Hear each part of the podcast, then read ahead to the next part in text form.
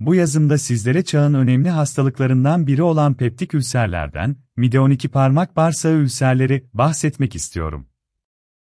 Çevremizde sıklıkla duyduğumuz, çoğumuzun da bizzat yaşadığı, mide ağrıları gastritülser gibi hastalıklar hakkında daha bilgili ve bilinçli olmak, 21 YY'da kent kültürü ile yetişen, yaşayan ve çalışan insanlar için mutlak gereklidir düşüncesindeyim.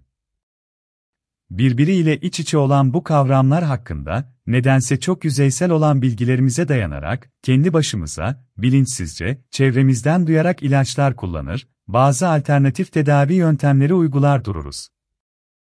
Bu yazımda peptik hastalıklar dediğimiz mide ve duodenum, 12 parmak bağırsağı, hastalıkları hakkında biraz daha bilinçli olmamız için çalışacağım. Ülser aslında mideye özgü değil, genel bir tıp tanımıdır. Ülser, vücudumuzun veya iç organlarımızın, hava ile temas eden yüzeylerini kaplayan dokunun ki buna deri ve mukoza adları verilir, üzerinde gelişen yaralardır.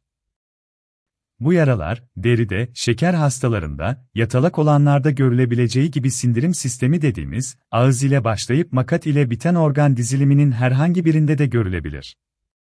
Ülser nedir? Bu yaralardan mide ve duodenumda olanlarına genel olarak peptik ülser hastalığı adı verilir.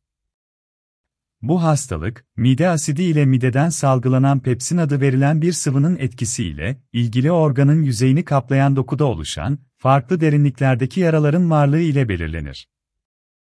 O arada belirteyim ki, bu salgıyı salgılayan dokular midede olmasına karşın, komşu organlar ile, duodenum ve yemek borusu, bu dokunun yerleştiği ince bağırsaklarda da benzer hastalık görülebilmektedir. Bu hastalıkların her birine farklı isimler verilir, ancak bunları şimdilik konumuz dışında tutmak istiyorum. Zollinger-Ellison-Meckel divertikülü gibi, mide ve duodenumdaki iç tabakanın özel yapısı ile bu tabakayı örten kalın koruyucu salgı tabakası, bu organları salgılanan aside karşı korurlar. Genel olarak dört başlıkta sayacağımız bu yaralar ve oluşturdukları hastalıklar şöyledir. Mide iç yüzünde yüzeyel yaralanma ve iltihaplanma, gastrit. Duodenumda yüzeyel yaralanma ve iltihaplanma, duodenit. Midede derin yara, mide ülseri.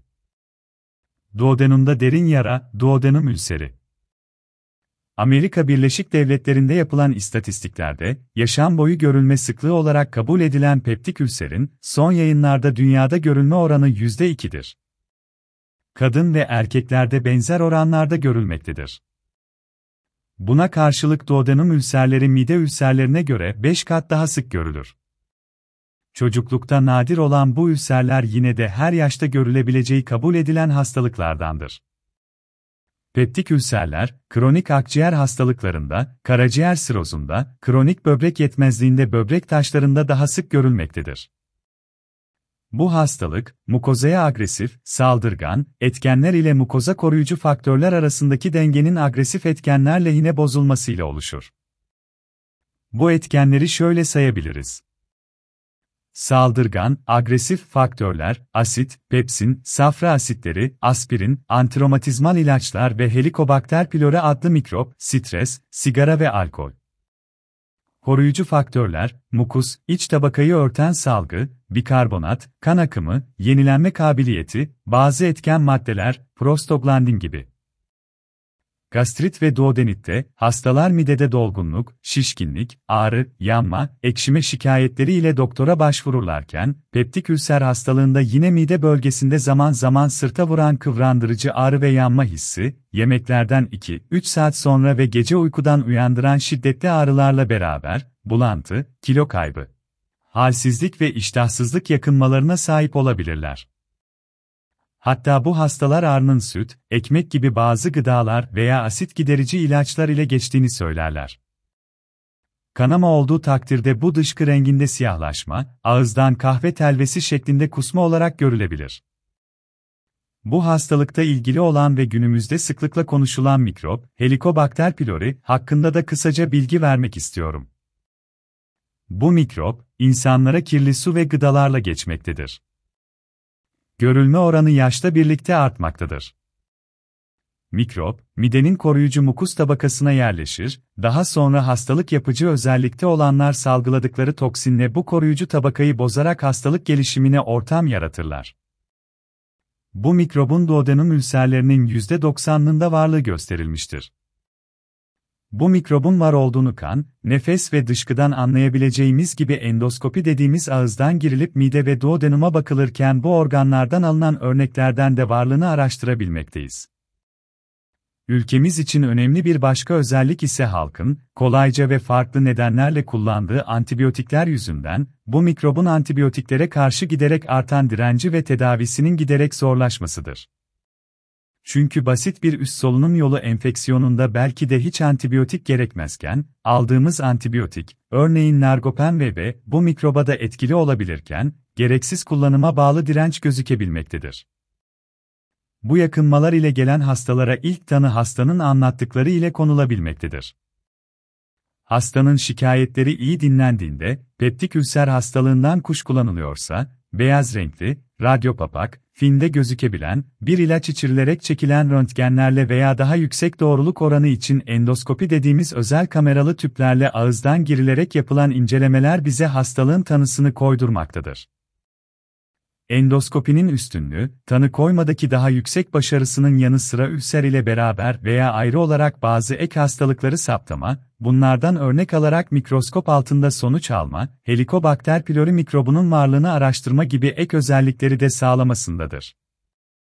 Son dönemlerde gelişen, çapı küçülen ve hafif uyutularak yapılan endoskopiler, rahatlıkla söyleyebilirim ki artık insanlar için korkulan bir tetkik olmaktan çıkmıştır.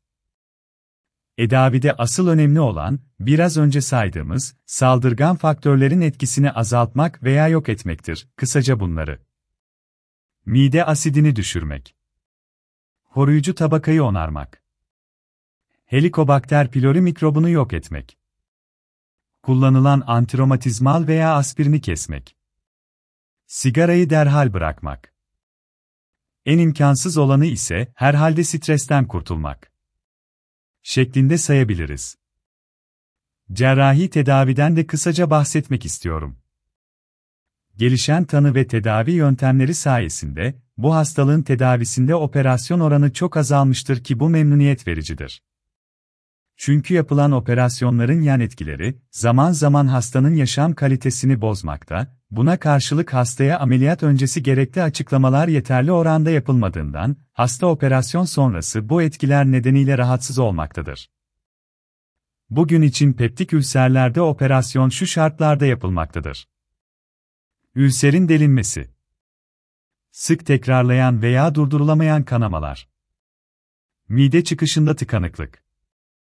İyileşmeyen ülser yaralarının varlığı. Bu yaralardan alınan örneklerde kötü huylu hücrelerin varlığı. Çağın temel sorunu stres altında sürdürdüğümüz yaşantımızda, günlük hayatta kullandığımız bilinçsiz ilaçlar ve gıdalar doğrudan midemizi etkileyerek farklı rahatsızlıklara sebep olmaktadır. Önemli olan bu rahatsızlıkları, bana bir şey olmaz, ön yargısı ile gecikerek değil zamanında inceleyip değerlendirerek tedavisini yaptırmaktır. Bir peptik ülser hastalığında bile bunun nedenli önemli olduğunu anlatmaya çalıştım. Dilerim hepimiz sağlıklı kalırız.